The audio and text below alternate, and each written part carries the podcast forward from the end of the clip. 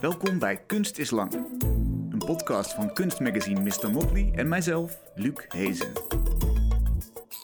Dag, leuk dat je luistert. Tegenover me zit Mette Sterren.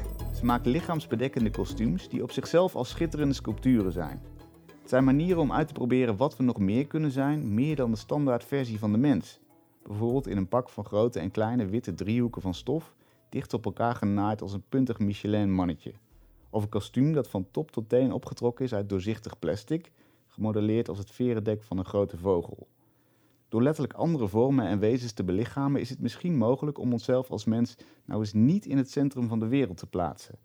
En daarbij is de onderwaterwereld een inspiratie. Vorig jaar konden we op de Rijksacademie kijken naar de installatie Sea Pussy Power Galore Obsession. If you don't know, you don't grow. De wanden van de studio waren bedekt met een golvend landschap van zacht kunststof, geverfd in kleuren die doen denken aan koraalrif of de zeebodem. Mette bewoog zelf door de ruimte in een kostuum met allerlei paarse, roze, blauwe uitstulpingen en bulten die met behulp van perslucht ademen en vibreren. Een wonderlijk schuivend wezen dat deels bekend oogde en deels grotesk en niet van deze wereld. Bovendien hing er nog een immense hand van God als een leeggelopen ballon vanaf het plafond naar beneden. De tijd van schepping vanuit de hemel is voorbij. Het is nu aan onszelf om het leven vorm te geven. Welkom Mette, leuk dat je er bent.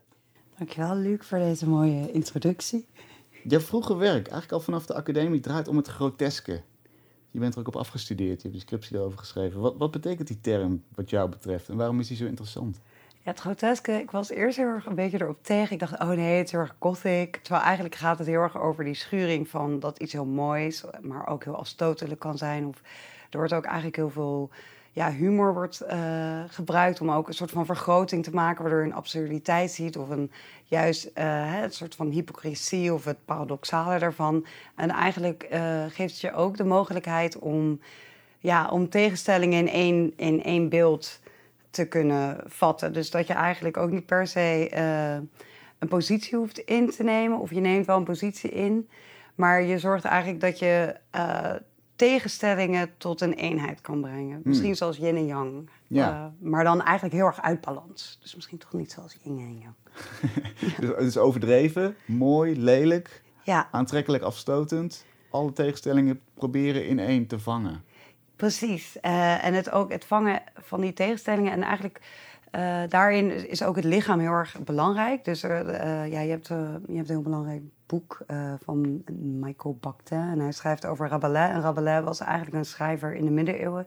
En het gaat ook heel erg over het lichaam, wat de hele tijd in een constante staat staat van transformatie. Dus het veranderen. Dus denk aan het snot of slijm of urine of al deze uitstulpingen die. die ja, je hebt toch ook van die pusfilmpjes op uh, Instagram waar mensen bijvoorbeeld zo'n steenpuist uitknippen. Ik kan daar dus helemaal niet goed naar kijken.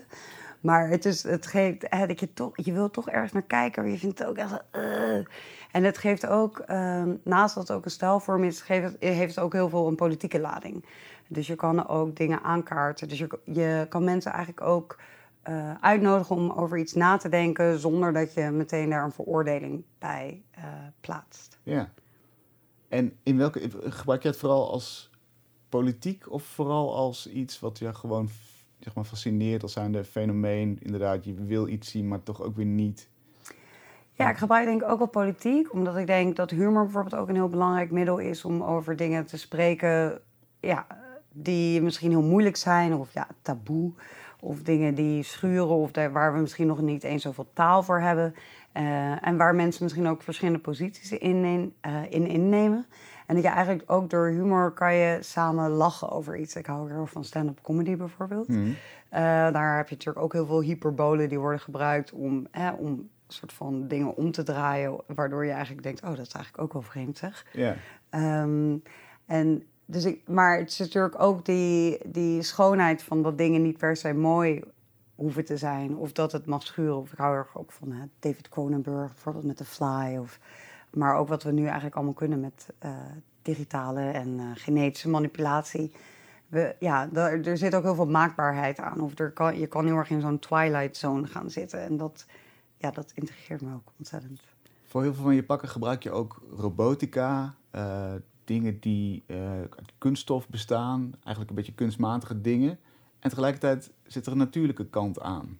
Je wezens moeten, moeten eigenlijk iets natuurlijks hebben. Hoe zie jij die balans? Hoe ben je daarmee bezig? Ja, uh, dat is ook weer een hele mooie vraag. Ik, ja, ik denk dat we, uh, we nou ja, vooral ook in het Westen, hebben natuurlijk heel erg zoiets over die maakbaarheid van de natuur. We hebben natuurlijk al eeuwenlang planten gekruist. En we gaan natuurlijk nu, ja, we zitten er al middenin, naar die tijd waarin we eigenlijk uh, die maakbaarheid steeds verder aan het uitvergroten zijn. Hè? Dat soort van die uncanny valley, wat uh, nou, waar Freud dan ook over schreef, hè? de onheimliche, of onheimisch. Uh, waarin ook we dingen dus herkennen, maar ze zijn toch niet helemaal hetzelfde. zo, hij schrijft heel erg over, een, over het verhaal van de Sandman en de automaton waarin een man wordt verliefd op een, een, ja, op een soort van vroegere vorm van een, van een robot. Mm um, maar we, er zitten eigenlijk al heel lang in onze, in ons bestaan als mens zijn dat we eigenlijk ook nieuw leven willen creëren. Dus je had in de middeleeuwen generatio spontanea of de alchemisten die een homonoculus zouden maken of de golem in uh, Kabbalah-verhalen. Dus uh, ook in het Westen zijn we heel erg bezig met taal als een vorm van magie. En eigenlijk denk ik nu dat het hedendaagse programmeren echt een ultieme vorm is van, ja, van, die, van die magie. Dus we hebben taal, we hebben tekens en daardoor ontstaat er een actie. Mhm. Dus dat aan de, ene, uh, ja, aan de ene kant kan je zeggen, oh dat is heel artificieel. Maar aan de andere kant is alles wat we hier op de wereld creëren, ja, komt toch ook uit ons voor. Of alle moleculen leven in het hele universum. Dus ik denk dat we steeds meer er eigenlijk naartoe gaan dat we niet meer weten wat hè, echt natuurlijk is of is ontstaan. Mhm. En wat gemaakt is. En dat als je ook kijkt naar het Nederlandse uh, landschap, is alles helemaal in hokjes en alles is bedacht. Dus dat idee van natuur is natuurlijk ook een westers idee, alsof wij daar buiten staan als mensen. Dus ik denk dat die, die, die samenvoeging van uh, ja, het technologische of het artificiële en het, en het meer originele of het ontstaande. Ja, dat daar dat dat uh, ook heel erg mooi. Hey, je hebt zo biomimicry. Of, uh, mm En daar, daar zit natuurlijk ook iets in dat we dat altijd, dat we toch iets willen nabootsen. Maar ik vind het ook heel mooi dat je hele hedendaagse materialen kan gebruiken. En dat je toch iets, ja, dat je daar een bepaalde magie mee kan bewerkstelligen. Dat je denkt, oh, dit is gewoon afdekfolie of dit is eigenlijk gewoon tulle. En dat je daar een manipulatie of iets heel beeldhoudtechnisch eigenlijk aan toevoegt. Ja. Waardoor je ook, uh, ook door het maken, wat soms duurt echt ontzettend lang om zoiets te bewerkstelligen, dat, dat je daar patronen in creëert en dat je daardoor toch het gevoel van levende materie eigenlijk uit kan voortbrengen. En ik geloof ook echt wel dat je als maker daar ook een energie in stopt of een, een, een, uh, een toewijding die je, die, die je vervolgens als kijker ook kan ervaren als een, Waarmee je het leven erin brengt, door, het, door het te maken. Ja, ja. Eh, zit je dan als een soort van monster van Frankenstein, bijna, hè, dat, dat je uiteindelijk zo'n pak hebt, dat je denkt, de laatste steek erin en nu gaat hij leven? It's alive, it's alive! ja. Ja, ja, ik, ja, ik ben dol, maar ja, natuurlijk. Het, het, is ook heel mooi dat het natuurlijk geschreven is door een vrouw. Mary Shelley heeft natuurlijk Frankenstein ook geschreven. Uh-huh. Ja, nee, want het begint ook altijd met een materiaal en dan ja, dus aan de ene kant doe ik dan heel veel onderzoek. Dus ik lees heel veel. Of dan kijk ik nog niet. Ja, ik voel je gewoon boeken op internet. En dat je dan weer kijkt. Oh, die schrijft er dit daarover. En dit. Dan kan je, dat je zo'n soort van bomen. Uh, wortels of boomstammen maakt van kennis. Mhm. En dan aan de andere kant ben ik dan bezig met materiaal.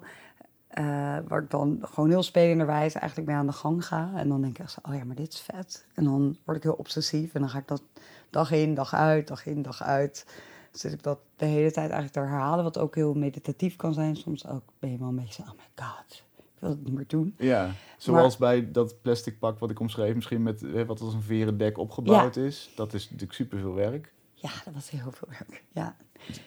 Zit, zat je daar vanuit een soort van obsessie met dat materiaal, was je daarmee bezig en, en dat helemaal laagje voor laagje op te bouwen? Ja, dat is allemaal, dat pak is, ja, dat is uh, gebaseerd op een, uh, ja, op een voor, uh, hoe zeg je dat, een prediction, een voorspelling van Nostradamus. Mm. Die zei van, oh, in de toekomst zullen de hele hemel zich vullen met grijze wolken. En daardoor zullen de planten geen fotosynthese meer kunnen opbouwen. En daardoor zullen de planten dus nou, daardoor zullen de planten dus niet meer groen zijn. Dus ik dacht, oh ja, hoe kunnen we dan die, ja, wat is dan in een speculatieve fictie eigenlijk, ja, hoe zouden we dan kunnen overleven? En ik dacht, oh ja, dan moeten de planten met de mensen gaan. Want als je dichtbij kijkt bij dat pak, dan zie je dat eigenlijk allemaal een soort van sla-achtige blaadjes zijn. Uh, en dus dan is het eerst, nou, dan maak je eerst een testje en dan denk je, oh nou, oh, wat leuk. Dan ga je met een uh, hete lucht uh, eh, pistool eroverheen, of een heatgun.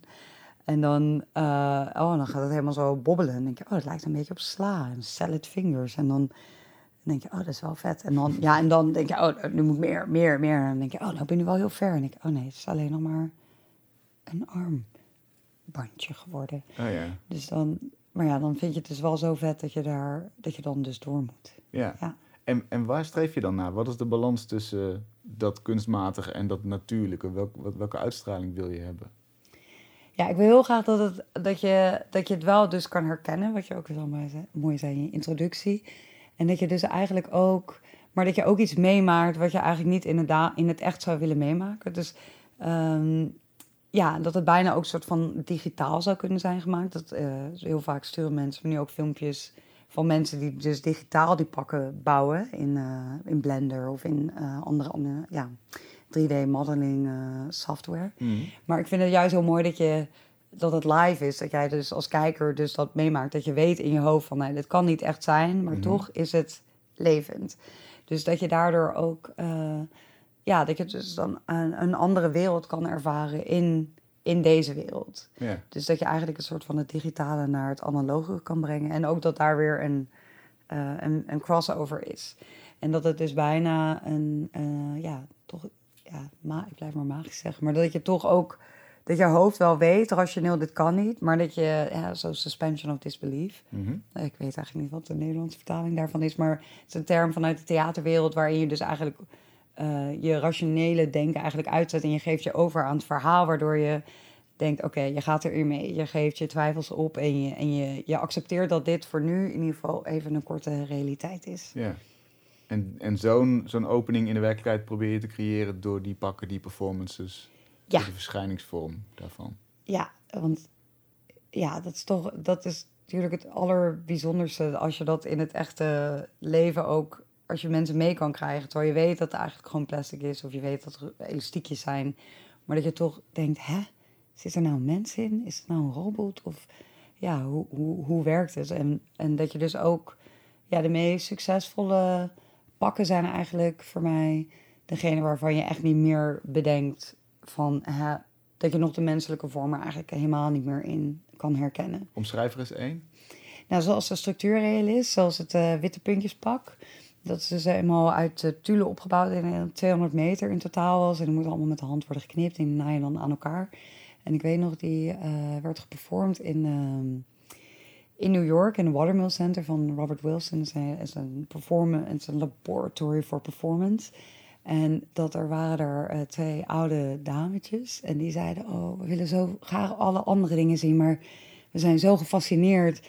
En we weten gewoon niet, zit er nou een robot in? Is het een robot? Is het een robot? En toen, op dat moment werkte ik eigenlijk nog helemaal niet met robotica.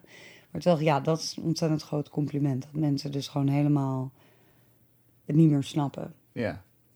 Dus het, moet ook niet te ver uitslaan naar de andere kant. Dus je moet dus ook niet duidelijk kunnen zien dat het een robot is. Dat zou, dat zou ook weer niet een goede balans zijn. Of is dat ook nog een soort van droom om echt een robot te bouwen die menselijke bewegingen zou kunnen nabootsen? Nou, ik zou nu heel graag een robot willen maken. Dus je hebt in het eh, robotveld heb je eigenlijk soft robotica. En dat is ook hoe het pak op de Rijksacademie dus Obsession. eh, is eh bewerkstelligd door, door pneumatische lucht. Krijg je dus een beweging vanuit materiaal. En in de robotica, dat zorgt eigenlijk... Die soft robotica heeft dus geen hardshell zoals wij een skelet hebben. Maar eh, dus, eh, laat zeggen, meer traditionele robots hebben dat ook. Die hebben dus die hebben gewoon eh, een soort van botten en die kunnen dus heel goed bepaalde acties, maar die kunnen zich minder goed aanpassen.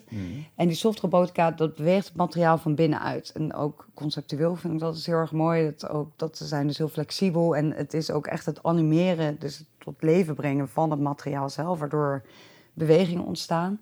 En is zou nu- vaste kern eigenlijk. Precies. Ja, Precies. kan alles zijn. kan alles zijn. Je hebt dus ook eh, eh, origami-robots en die kunnen zichzelf ver- vervouwen en die kunnen ook eh, een geheel worden. Maar het lijkt me nu heel vet om te kijken of ik een octopushuid zou kunnen maken. Omdat de octopus dus niet alleen van kleur verandert, maar ook camouflage. hoe zeg je dat? Camouflage Kleuren aanneemt. ja, van de vormen en de textuur om zich heen. Ja. Dus dat zou, dat zou ik heel fantastisch vinden. Ja. En, en waar zit dan die kick in? Om, om toch een beetje die natuur te evenaren? Of ja, om er iets anders vervolgens mee te doen? Welke afslag wil je daarin nemen? Oh, goede vraag. Nee, ik zou natuurlijk, ik zou eigenlijk die natuur nog verder willen pushen. Of te kijken van wat, wat zou er nog meer kunnen maken. Maar natuurlijk, die onderzeewereld is bijvoorbeeld al zo bizar. Is ook soms denk je wel van, oh ja, wat, heb ik hier eigenlijk nog aan toe te voegen? Maar ik denk dat het vooral ook mooi is dat je dingen kan isoleren, maar ook kan nadenken van, oh ja, wat betekent dat dat? Uh, ja, hè, dus je hebt die term chimera's, dus dat soort van die merging van uh, het menselijke en het niet, ja, niet-menselijke. En het zit heel veel, ook heel veel in mythologieën. Mhm. Um, dus het lijkt me heel fantastisch toch om meer die speculatieve ficties te kunnen maken. Hè? Zoals, uh, dus dat je eigenlijk een voorstel doet voor een nieuwe realiteit die in de toekomst zou kunnen plaatsvinden. Ja. Dus dat je nog wel iets toevoegt. Want het alleen na een poos denk je, ja, maar dat is er al. Dus waarom zou ik het nog moeten doen? Ja. Dus dat je nog wel een, dat je, dat je het nog wel je eigen maakt. Of dat je nog wel een, ja, ook dat, dat um, idee dat je dus een wereld echt uitbouwt. Dat je echt je eigen, dat je ook mensen. Ja, ik denk dat de kikker ook inderdaad in zit dat je mensen kan uitnodigen om de dingen die in je hoofd zitten, dat zij die kunnen meebeleven. Dat klinkt misschien wel narcistisch. Maar Nou ja, ja, dat, dat, dat is uh, waar het begint natuurlijk. Ja, Ja. Met, met zo'n drive. Ja. Het is uh, wat je al een beetje hebt gedaan in, in de, op de Rijksacademie. Dus, dus inderdaad Obsession. Je, noemt, je kort hem af. Volledige titel. Dus Ja. nogmaals. See Pussy Power Galore Obsession. If you don't know, you don't grow. Heel, heel kort verklaren misschien de titel. Waar komt die vandaan? Ja, de titel, ehm, ja, de Sea Pussy komt eigenlijk, eh, de, Sea Pussy Power galore. Eh, er zit, eh, nou ja, er, er was dus een enorme soort van zee te zien, die dus golfde, die muur die je net zo prachtig beschreef. Daarachter zat dan weer machine en het is heel erg ook het idee dat vanuit een holistisch perspectief, hè, dat wij onze, onze lichaam en onze geest zijn met elkaar verbonden. Eh, we hebben natuurlijk heel erg, hè, Descartes zei bijvoorbeeld, oh, er is de mind-body duality, maar dat brengt ons nu eigenlijk heel veel problemen, want als je niet lekker in je vel zit, dan ga je bijvoorbeeld, krijg je eczeem of je krijgt allemaal rare, hè, mensen krijgen vaak maagpijn of eh, weet ik veel, chronische, chronische vermoeidheid. Of we weten dat stress heel erg slecht voor ons lichaam is. Dus we zijn nu veel meer, eh, denk ik, en ik denk ook misschien toch ook door corona, veel meer bewust van hoeveel, ja, het lichaam is geen machine, het is geen, het is geen systeem, het is echt verbonden met onze hersenen en met, Ja. met ons welzijn. Dus die titel, die Sea Pussy, eh, dat komt eigenlijk omdat ik dus die residentie deed in New York. En er kwam een vrouw en ze ging vertellen over de riptides. Dus over, hoe zeg je dat, Eh, golven die je meesleuren uh, onder waterstromingen. Ja. Die dus echt zo onder water kunnen, eh, ja, waardoor je ook eh, kan sterven. Omdat je natuurlijk kan verdrinken als je daar echt eh, dikke pech in hebt. Dus zij ging uitleggen hoe, die, hoe, je, hoe je die kon herkennen. En zij zei dat zijn sea pussies. En if you don't know, you don't go. Toen heb ik dus die ondertitel veranderd. If you don't know, you don't grow. En het gaat ook heel erg over het idee dat je eigenlijk moet zelf kunnen reflecteren op waar je staat. Maar ook om te kunnen groeien moet je ook kunnen beseffen welke paden je doorloopt. En de zee eh, komt eigenlijk ook voort van, oh, het, ja, je relatie is eigenlijk tot je eigen emoties. Dus dat je, ehm, ja, je bent, je bent niet je emoties, je hebt ze. Je bent niet de golf, maar je bent de hele zee. En het figuur wat daarin leeft, dus die obsession, is ook een beetje een woordgrapje. Dus de obsessie, maar ook een obsess. Dus de dingen die gaan pussen en groeien. Dus dat je ook nadenkt over. ehm, ik heb heel veel onderzoek gedaan ook naar neuroplastici- neuroplasticiteit. Dus dat is hoe je hersenen eigenlijk banen vormen. Eigenlijk net zoals je algoritmes hebt in een computer, in je, in je zoekmachine. eh, hebben wij natuurlijk ook paadjes die in je hoofd aanmaakt. Mhm. Dus ehm, als je niet veel bewust bent van welke paadjes je hebt in je hoofd, eh, kan je dus jezelf eigenlijk ook ziek denken. Dus net zoals dat je nu bijvoorbeeld hè, de polarisatie in de maatschappij hebt door de dingen die je googelt. Je, je komt heel erg in je eigen echo-kamer terecht. Ehm, en dat is ook belangrijk bij deze installatie, dat je dus nadenkt, oké, de dingen waar we mee ons voeden, die gaan groeien. En als die dingen heel negatief zijn, dan gaan ze pussen en purren. En die kunnen heel ondraaglijk en benauwend zijn. Zoals En- een absces. En dat zit ook op dat pak, hè? al die bulten en, en, en uitstulpingen. En ja, vieze dingen, maar ook natuurlijke dingen. Dus je herkent er ook, weet ik veel, een zeekomkommer in of een zeeegel of hoe heet al die dingen. Het, het, het zit, daar zit dat groteske natuurlijk ook weer in. Oh ja, absoluut. Ja, Ja. er zitten hele vallusachtige vormen en hele... Ja, iemand zei ook van, oh, ik dacht dat het een man was die het had gemaakt. Vond ik ook wel interessant om te merken. Ik dacht, ja, Want, Nee. er- want er Ja. zat alles op. Ja, omdat er zoveel vallensachtige vormen op waren. Maar ik vind het juist ook heel mooi dat het dus ook heel erg non-binair is. En ook met het idee, eh, ja, oké, het wordt misschien een beetje een zijtak. Maar ook bijvoorbeeld, we gaan natuurlijk toe naar quantum computing. Waar eigenlijk ook, we werken natuurlijk nu met computers waar de data met 0 en 1 eh, worden gecodeerd. Maar zo Mhm. dadelijk gaan we dus aan dat die data dus gewoon non-binair wordt. Dus het is ook interessant hoe je dus aan de ene, aan de ene kant een soort van identiteitspolitiek nu heel erg eh, nou ja, ook belangrijk is. En aan de andere kant vind ik het ook interessant dat je dus ook een soort van dat je daar een parallel mee kan trekken naar hoe dat eigenlijk ook in de digitale wereld en hoe wij data verzamelen en gaan analyseren en wat de computers ook weer gaan kunnen, zien er sowieso heel bijzonder mooi uit. En ik begrijp zelf ook nog niet helemaal precies wat het allemaal gaat. eh, Welke gevolgen het heeft. ja, maar Ja. ze gaan groot zijn. Ja. Dit, zit, dit is dus allemaal de leefwereld van waaruit zo'n scène ontstaat. En van, van, van waaruit zo'n werk ontstaat. Ontzettend veel laagjes, takjes, systemen. Is, is dat een soort wervelwind die continu in je hoofd rondgaat en die er dan uitkomt op zo'n moment? Ja, ik moet zeggen, mijn hoofd staat nooit stil. Ik denk dat mijn brein ook in die zin ook heel erg associatief werkt of heel snel verbindingen legt. Ja, goed, ik kan natuurlijk ook niet andere mensen hun hoofd kijken. Maar ehm, ik denk dat van de ene zijde kun je, hebben mensen echt van, oh ja, hoe kom je nou weer van daar naar daar? Maar omdat je, ja, dus ja, ik vind sowieso ook de hersenen super, een super interessant eh, ja, orgaan. Ja. Ehm, ja, en ik denk inderdaad, en ook dat onderzoek, ik vind het ook, ik werk vaak heel lang aan één project. Dus ik vind het ook, en ik vind het onderzoek doen ook super, super leuk. Dus ik vind het heel belangrijk dat aan de ene kant dat je, ik wil wel graag dat het publiek in ieder geval iets kan voelen. Het gaat ook heel erg over de ervaring en dat je, je hoeft dit niet allemaal te weten om het te voelen op een andere manier misschien. Of misschien mensen wel een totaal andere interpretatie. Mhm. Ehm, maar ik, ik geloof wel dat je er een bepaalde energie in kan stoppen. En het is voor mezelf denk ik ook belangrijk dat het wel... Ja, ook om te groeien. hè. If I don't know, I don't grow. Dus dat je ook... Ja, het natuurlijk denk ik wel mijn hoop dat ik gewoon mijn hele leven lang blijf leren. En het is natuurlijk super fijn als kunstenaar mag je ook in al die... Weet je wel, in al die kastjes kijken en Ja. die laadjes plukken. Ehm, en het is dan ook fijn om te kijken hoe brei je iets, ja, brei je het aan elkaar of is het, want de werkwijze, hoe het, ja, hoe het materiële eh, proces is heel intuïtief eigenlijk. Maar ja, ik noem het altijd mijn magische soep die ik moet voeden, want als ik de hele tijd dezelfde ingrediënten heb, dan wordt het heet, eh, wordt het heet tomatensoep. of zo. Ja, wordt het hetzelfde steeds. Ja. ja. Dus het is voor mij wel belangrijk om ook die input te krijgen. Eh, nou ja, je- je geeft jezelf die input, maar het, eh, ja, dat het daardoor ook. eh, ja, dat was natuurlijk ook heel fijn met de Rijksacademie, dat je eigenlijk al die tijd had om ook echt dieper te gaan. En dat mensen je ook hè, bronnen aanbieden. Of dat je, naar, eh, dat je ook gewoon ook die tijd en ruimte had om, om je echt te verdiepen daarin. Ja, dan heb je dat gedaan. Dan ben je een paar maanden of misschien wel langer bezig met dit werk. Laten we dat nog even als voorbeeld nemen.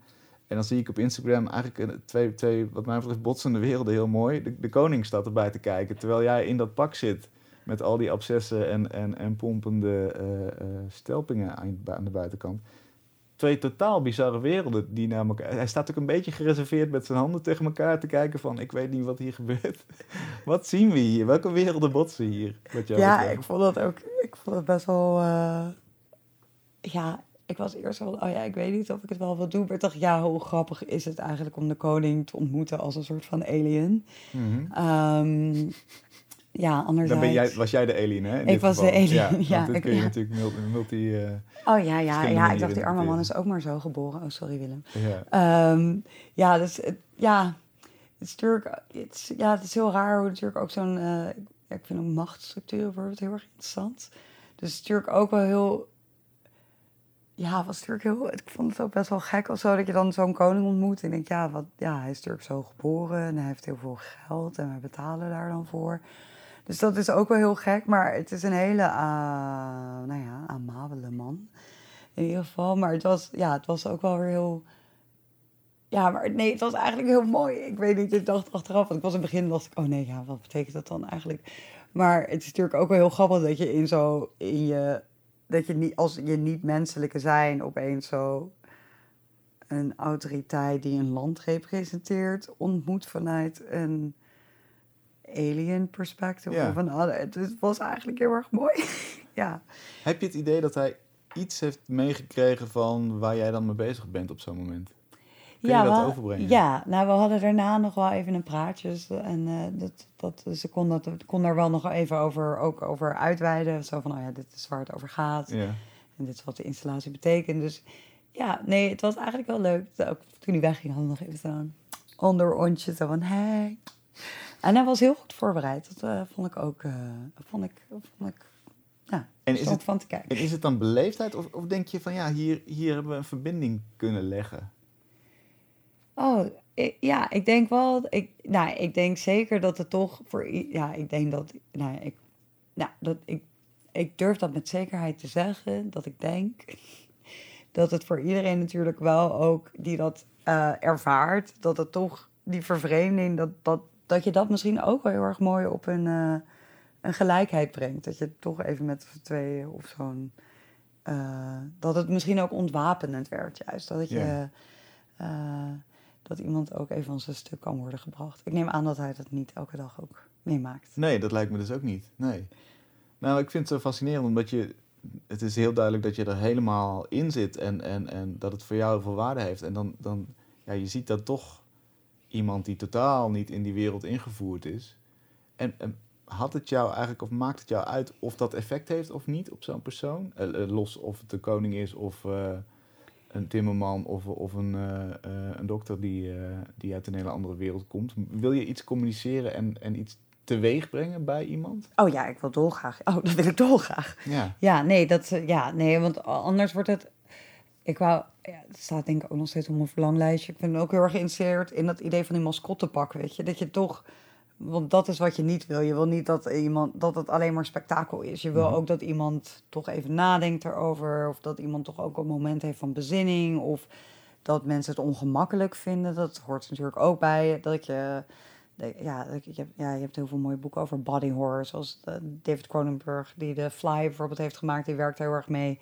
Dat je toch ook... Dat het ook fysiek is. Hè? Je ziet iets en je herkent het. En je denkt, oh nee... Nou ja, zoals die puist uitknijpen. Dus ik hoop wel... Ja, het is voor mij wel belangrijk dat er iets meer eh, uitkomt dan alleen maar van... Oh ja, dat is vet. Of dat je wel... Dat iemand... Dat je ook een introspectie eigenlijk hebt. Ja. Als, je dat, als je naar dat werk kijkt. Of dat je in ieder geval ook iets voelt. Want anders wordt het misschien toch een beetje zoals een prinsessenjurk of zo. Weet je, dan wordt het alleen dat het alleen maar over het plaatje gaat. En Ja. dan, eh, dat, is, dat is niet erg als mensen dat zouden willen, maar dat wil ik zelf niet. Want ik denk, ja, er zitten ook al die lagen in, of er zit ook die, dat, die, die zwaarte in. Van, ja, je wilt er ook een atmosfeer neerzetten. Je wil ook dat iemand. Ja, het zou toch fijn zijn als mensen daarna weggaan en dat ze toch ook nog even, nou, dat wil denk ik toch ook een kunstenaar, maar dat je er wel nog even over nadenkt. Of Ja. dat je iets tegenkomt in jezelf waarvan je niet eens eigenlijk wist dat het erin zat. Dan is er die hele nieuwe wereld in die studio en een, een leeggelopen hand van God interpreteren we hem maar even. Hij, is, hij is klaar Hij is eigenlijk. klaar. Het is aan de mens nu en aan de techniek. Is, is dat de manier waarop je er naar kijkt? Is dat het voorstel wat je doet? Ja, ik denk ook, nou ja, natuurlijk, ik denk in veel eh, monotheïstische ehm, eh, godsdiensten, eh nou, het zit natuurlijk wel in het monotheïsme, maar eh, daar is het toch voor eh, vrouwen is het vaak niet zo eh, goed, eh, is niet zo'n positieve verhaallijn, laat ik zeggen. De, de, Genesis of de, we moeten allemaal lijden, want wij hebben die appel willen eten van de kennis. Terwijl ik denk, nou, eigenlijk je hebt natuurlijk de agnosten. En die zeggen bijvoorbeeld over Eva. Oh, she's like... Weet je wel, ze is gewoon heel tof. Omdat ze wou juist die kennis. En daarom wordt ze juist op een, eh, op een verhoging gezet. Hoe zeg je dat? Op een, op een sokkel. Ja. Ehm, maar ehm, ja, dus ik denk ook dat het idee dat er ook één maker was, of dat er een soort van één. één ik geloof, ja, ik, ja ik, dat hele idee van eh, ook de machtsstructuur rondom zo'n godsdienst. Ik geloof wel dat eh, kapitalisme in zekere vorm ook een geloofssysteem is. Dus ik weet niet of we per se. Nou, een heel veel mooie andere invulling hebben gegeven in die vrijheid. Maar ik denk dat dat idee dat er dan één maker was die alles voor het zeggen had en dat we allemaal heel veel moeten lijden, dat dat, ehm, en niet per se heel behulpzaam is. En ik denk dat het eigenlijk veel mooier is om te kijken hoe alles met elkaar in verbinding staat. Dus dat, dat dingen, dingen zijn gewoon, of de wereld is, of het universum is. Dus dat ik, ik duik heel graag. Ik heb het al heel lang niet meer gedaan door de corona. Maar daarin, als je dan met die vissen zo onder water zit en je denkt, ja, al deze vissen die zijn gewoon, dat je, alles is. En Hmm. dat is eigenlijk gewoon de balans. En eigenlijk hoe, ja, dingen, er tijd wat ontstaat en dingen laten komen en gaan. En eigenlijk is alles een cyclus en er is gewoon geen eindigheid. Hoewel ik het zelf heel moeilijk vind om afscheid te nemen.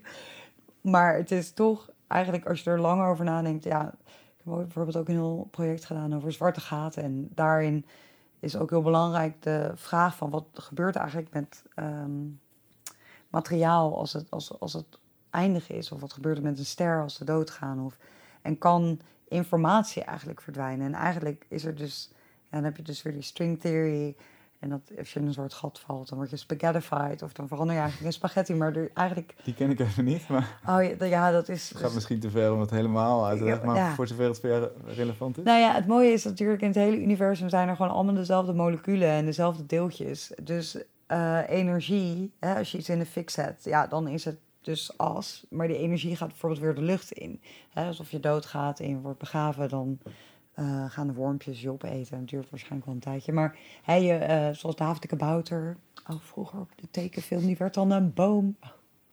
Weet je wel, dus er zit gewoon een cyclus in alles. En ik denk dat daarin... ehm, ja, dat het idee van zo'n God die alles controleert en alles, hè, waar die een soort van gratie aan je verleent. En die dus ook alles dan in zeven dagen heeft gemaakt, is natuurlijk gewoon heel raar. En dat wij dan als vrouwen uit een rib komen van Adam is. En dat- ja, het is allemaal gewoon Ja.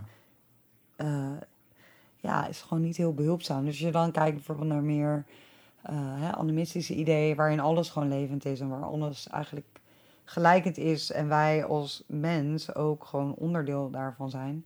En ik weet nog, ooit heel lang geleden kwamen de Jehovah-getuigen aan de deur en, eh, en zeiden, ja, maar je moet naar de hemel, je wilt toch naar de hemel? En ik zei, ja, maar zijn er dan dieren in de hemel? En zei, nee, er zijn geen dieren in de hemel. Ik zei, ja, maar dan hoef ik er niet heen, want ja, waarom eigenlijk niet? Er staat toch nergens op? Toen zei ja, nee, ze een boek brengen over waarom er dus dan geen dieren in de hemel waren. Maar toen dacht ik, ja, maar dat is heel raar. Want waarom zouden wij niet, eh, ja, waarom, wij, zijn niet, wij zijn gewoon dieren ook. Wij zijn niet mens. Ja. Eh, dus daarom hangt die hand daar, denk ik, zo deflated. En ook hè, dat, hè, dat het ook heel raar is dat de vader, de naam in van de vader en de heilige, nou, en de zoon en de Heilige geest, amen. Sorry, nou weer niet katholiek.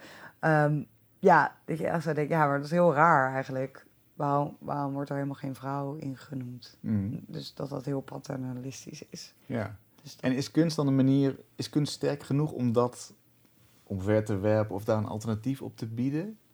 Zie, zit je zo in, in de wedstrijd, om het zo maar te zeggen?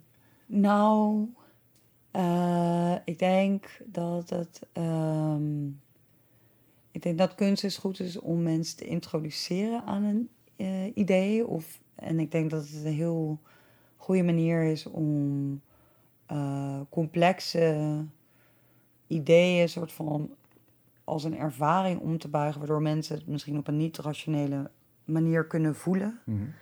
Zonder dat ze misschien een boek hoeven te lezen, maar dat je dus wel. Ja, ik denk dat kunst voor mij in ieder geval wel een soort religie is. Eh, waar als je, als je naar een museum gaat, dan kan je daarheen voor bezinning. En je, je gaat de wereld anders zien. Of je bekijkt de realiteit op een bepaalde manier. Of je gaat verbindenissen eh, leggen tussen, I don't know, patronen. Of je, ja, je, het maakt in ieder geval mijn leven heel veel rijker.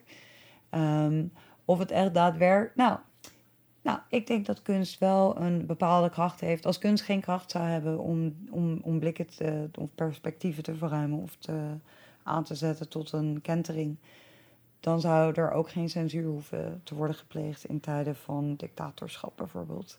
Dus ik denk dat we soms misschien voor nemen wat de impact kan zijn van kunst. Ja. En is het dan inderdaad zo dat jij, dat jij, al is het maar tussen de regels door en gevoelsmatig wilt laten zien, die mens hoeft niet altijd centraal te staan. Er is zoveel meer eh, en, en er zijn heel veel tussenvormen die interessant zijn. Als je knikt, hoort niemand het. Oh ja, sorry, ja. Voel je het niet? Ik knik. Oh ja, je, je we voelen knik, natuurlijk dat je knikt. Ja, Ja. zo is het. Ja. Wat is het meest interessante tussenwezen wat je nu gemaakt hebt? Waarvan je denkt, ja, hier zat echt iets in waarvan ik denk, dit is belangrijk. Dit is, hier heb ik iets gemaakt. Ik hoop natuurlijk dat ze allemaal wel belangrijk zijn. Eh, ik denk toch altijd vaak je laatste werk wel het meest belangrijk is. Dus ik denk die... Ja, ik denk toch die, die obsession, zeg maar dat laatste, of die Seek Pussy Power Galore. Obsession, if you don't know, you don't grow. Ja, omdat dat ook je laatste, of je me, ja, dat is het laatste afwerk in ieder Mhm. geval. Mm, omdat natuurlijk ook technisch een nieuwe stap is geworden. Ehm, en Wat, je hebt hem zelf geperformd. ja, Wat gebeurt er als je in dat pak stapt? Want het bedekt je hele lichaam. Je ziet volgens mij niks meer, hè? nee, je ziet niks. nee, het was ook heel wat gebeurt er met je van binnen? Ja, ja, het is altijd heel interessant. Ik denk dat het heel belangrijk is dat je er altijd even tijd voor neemt voordat je erin stapt. Dus je, als mensen ook van tevoren vragen voor zo'n performance van, heb je er zin in? Dan denk ik echt van, nee, ik heb er echt geen zin in. Eh, en daar het gaat ook niet, ik zeg dan aan de ene kant, oh ja, ik vind het heel leuk om te performen. Maar ehm, ja, je, ja, ik vind het daarom ook mooi, mooier eigenlijk om te zeggen dat het geen kostuums zijn, maar lichaamsmaskers. Omdat een masker heeft ook een vorm van transcendentie of een, eh, het is eigenlijk een, eh, een, een fetish of een artefact om, om jezelf in een andere staat te brengen van bewustzijn. Dus ook je hele lichaam, je hele lichaamstaal moet worden aangepast, hoe je je beweegt, hoe je, wat je kan doen. Eh, je, wordt, je, je moet ook op een andere manier gaan voelen, dus je kan heel weinig zien. Dus je gaat veel meer met je voeten bijvoorbeeld kijken hoe de ruimte is. Je gaat veel meer, je kan niet even daarheen lopen. Of je, je wordt eigenlijk, moet je heel ehm, onderdanig zijn eigenlijk aan die, aan die, aan die lichaamsmaskers. Hmm. Ehm, en, en mensen kunnen jou wel zien, maar ze kunnen niet jou zien. Dus er is ook een bepaalde manier, jij kan wel je publiek zien. Je hebt een heel klein, heel klein piepgaatje. Ehm, maar zij kunnen niet zien wie erin zit. Dus eh, dat maakt het ook dat je... Ja, soms ga je er zo erg in op. Dan geloof ik ook echt dat ik die, die wezens ben. Dus dan, en soms is het ook heel emotioneel. Of ik had bijvoorbeeld dat vingerpak, wat eh, de vorige Rijksopen, dat heet de G-string theory. Attempting to rise, pointing sisters, blame came. En dat ging. het heel lange titels. Het is een Ehm, soort eh, roze satijnen pak, een beetje een dikmaakpak. 200 vingers zitten erop, gekromde vingers. En die draaien dan rondjes, aaiende bewegingen maken die. En rondom je hoofd zitten dan twee handen. Ja. Alsof je in wanhoop door de ruimte loopt. Correct. Zo ziet het eruit. Ja, ga door. Ja, eh, het is ook ontzettend warm. Er zitten allemaal batterijen in. Al die motortjes die geven natuurlijk heel veel warmte af. En je bent ook in één keer heel groot. Dus je bent ook, het is geïnspireerd door Tetsuo's, een cyberpunk film over samensmelding van eh, mens en machine. Eh Japans, Japanse film, ik hoop dat ik het goed zeg. Uit de jaren tachtig. Maar een hele fantastische stop-motion film. Dus als je hem niet hebt gezien, ga hem kijken. Staat gewoon op YouTube. Ehm, maar ook het idee van eh, vrouwelijke woede. En, eh, maar ook aanraking en tactiliteit. En dat pak is ook echt wel heel eh, essentieel geweest om naar die stap naar die soft robotica te maken. Want door het bewegen van die vingers gaat die huid wordt ook helemaal geanimeerd. En ook het idee van de cyborg natuurlijk, Dana Haraway schrijft er heel, heel erg over. Je hebt natuurlijk ook nog eh, een hedendaags, meer hedendaags soort van glitch feminism. Dus het idee dat ook bijvoorbeeld in hoe data wordt eh, verzameld en wordt gedistribueerd. En dat daar heel veel vooroordelen eigenlijk in zitten, maar waardoor je ook soort van glitches, dus eigenlijk ook weer een soort van groteske vormen in het digitale tijdperk. Dus dat dingen niet meer gaan kloppen of dat ze verschuiven en dat je daardoor een, een, een soort van... eh, een, Kortsluiting, ja, zoiets hebt. Ja. een crack in the matrix krijgt. En, en je zei, het wordt ook wel eens emotioneel als je daarin zit. Oh ja. Wat, wat, wat heb je daar een voorbeeld van? Ja, dus als ik bijvoorbeeld in dat vingerpark, dat gaat toch ook heel erg over nou, eh, seksueel geweld, of wie raakt je aan, of, of en, en wel- voor wie zijn deze wetten gemaakt. Dus er zit duidelijk ook een hele feministische lijn in het eh, werk. En natuurlijk was er ook in de kunstwereld een hele grote. MeToo-golf. Ehm, en we zien het nu nog steeds ook nu, hè, ook eh, in de mainstream eh, media. Ehm, maar aan de andere kant zien we ook weer Louis C.K., de stand-up comedian, die natuurlijk 80 vrouwen nou, onheus had bejegend door, te, door ze uit te nodigen voor hè, professioneel advies. En dan te masturberen. Maar het dan wel vroeg, mag ik, vind je het ergens gemasturbeerd terwijl ze de hotelkamer binnenkwamen. Ja. Zien we toch aan de andere kant dat hij dan eh, eh, toch weer een Grammy wint twee jaar daarna. Dus hoeveel cancel culture is er eigenlijk? Voor wie zijn deze wetten gemaakt? En wie wordt er beschermd tegen wat? Ja. Ehm, Dat zit allemaal samengebald in zo'n pak. Ja, en ook in zo'n performance. En dan doe je het zelf inderdaad. En dan word je dus ook ingesnoerd door zo'n pak, stel ik me voor. Ja, als een, bijna als een eh, corset. Dus eh, bij de Rijksacademie was het ook echt onderdeel dat dat pak werd aangetrokken. Dus ik had een hele fantastische eh, Lieselotte de Mol. En zij heeft me ook geholpen om alles in elkaar te zetten. En ehm, ja, dus ook het insnoeren. Dus ook dat je eigenlijk samen in zo'n systeem zit, waardoor je er eigenlijk niet echt ehm, uit kan. En dat je dus ook onderling, al- dat je toch ook een soort van sisterhood hebt. Maar dat je ook dat, hè, dat, dat die corsetten en het hele idee van hysterie in... eh, terwijl eigenlijk, ja, want al die vrouwen die vielen maar flauw. Terwijl de corsetten konden zo... eh, het lichaam zo erg manipuleren dat je bijvoorbeeld je ingewanden helemaal vervormde. Hmm. Dus ook dat daarin, hè, dat ook dat, nou ja, ook vanuit feminist perspectief is natuurlijk dat vrouwenlichaam, of ook de non-binaire lichamen en ook de queer lichamen, die zijn natuurlijk ook allemaal heel erg onderhevig aan kritiek of eh, ehm, het is toch een bepaalde maatstaf aan waar je aan zou moeten voldoen. Terwijl eigenlijk, je, bijvoorbeeld op YouTube heb je van die mannen die gaan dan zo dingen uitproberen. En eh, een van was dus bijvoorbeeld dat ze weeën, dat ze een apparaat kregen toegediend alsof ze weeën opgewekt kregen. En ze zeiden, oh, we dachten altijd dat vrouwen zich zo aanstelden. Dus dat het ook vanuit de medische wereld bijvoorbeeld al heel veel eh, vooroordelen zitten. Of dat bijvoorbeeld tot 2000 was het zo dat medicijnen alleen op mannen werden getest. Dus door natuurlijk vrouwen natuurlijk een heel andere hormoonhuishouding. Dus ook dat dat vrouwelijke lichaam, we zien natuurlijk nu ook zo verschrikkelijk de abortuswetten die worden teruggedraaid in Polen, Hongarije en natuurlijk Amerika. Eh, dat, dat, dat dat nog steeds ook een plek is van dominantie, waar we eigenlijk geen, nog steeds weer minder zelfbeschikkingsrecht krijgen. Dus aan de ene kant zien we natuurlijk een polarisatie ontstaan, omdat er een soort van die derde, nee, niet soort van, er is een derde feministische golf gaande. En nu zien we weer een heel hard tegengeluid. Dus, eh, maar al die dingen en al die tendensen die je dan ook probeert te vatten in zo'n performance, ja. Dus de titel bijvoorbeeld G-String Theory eh, verwijst naar een rechtszaak in Ierland waar een eh, jonge vrouw die was verkracht, ze had een string aan en de string werd gebruikt als bewijsmateriaal dat ze niet verkracht kon worden, want ze wou toch, ze had toch een string aan. Oh, ja. Dus dat daar ook, eh, ook in die tendensen wordt er dan dus ingetapt. Dus dat is ook, ja, dat is toch ook wel emotioneel. Ja, ja. Ja. snap ik. En is het dan, kun je dat genoeg in zo'n vorm kwijt? Want het, het is, ja, daar, daar hadden we het net al even over. Je kunt ook gewoon denken van, wauw, wat vet, eh, mooi gemaakt, grappig, al die vingers. En, en je voelt wel een soort wanhoop, maar eh, is, is daarom ook die titel zo belangrijk om, om je toch een beetje een, een kant op te duwen?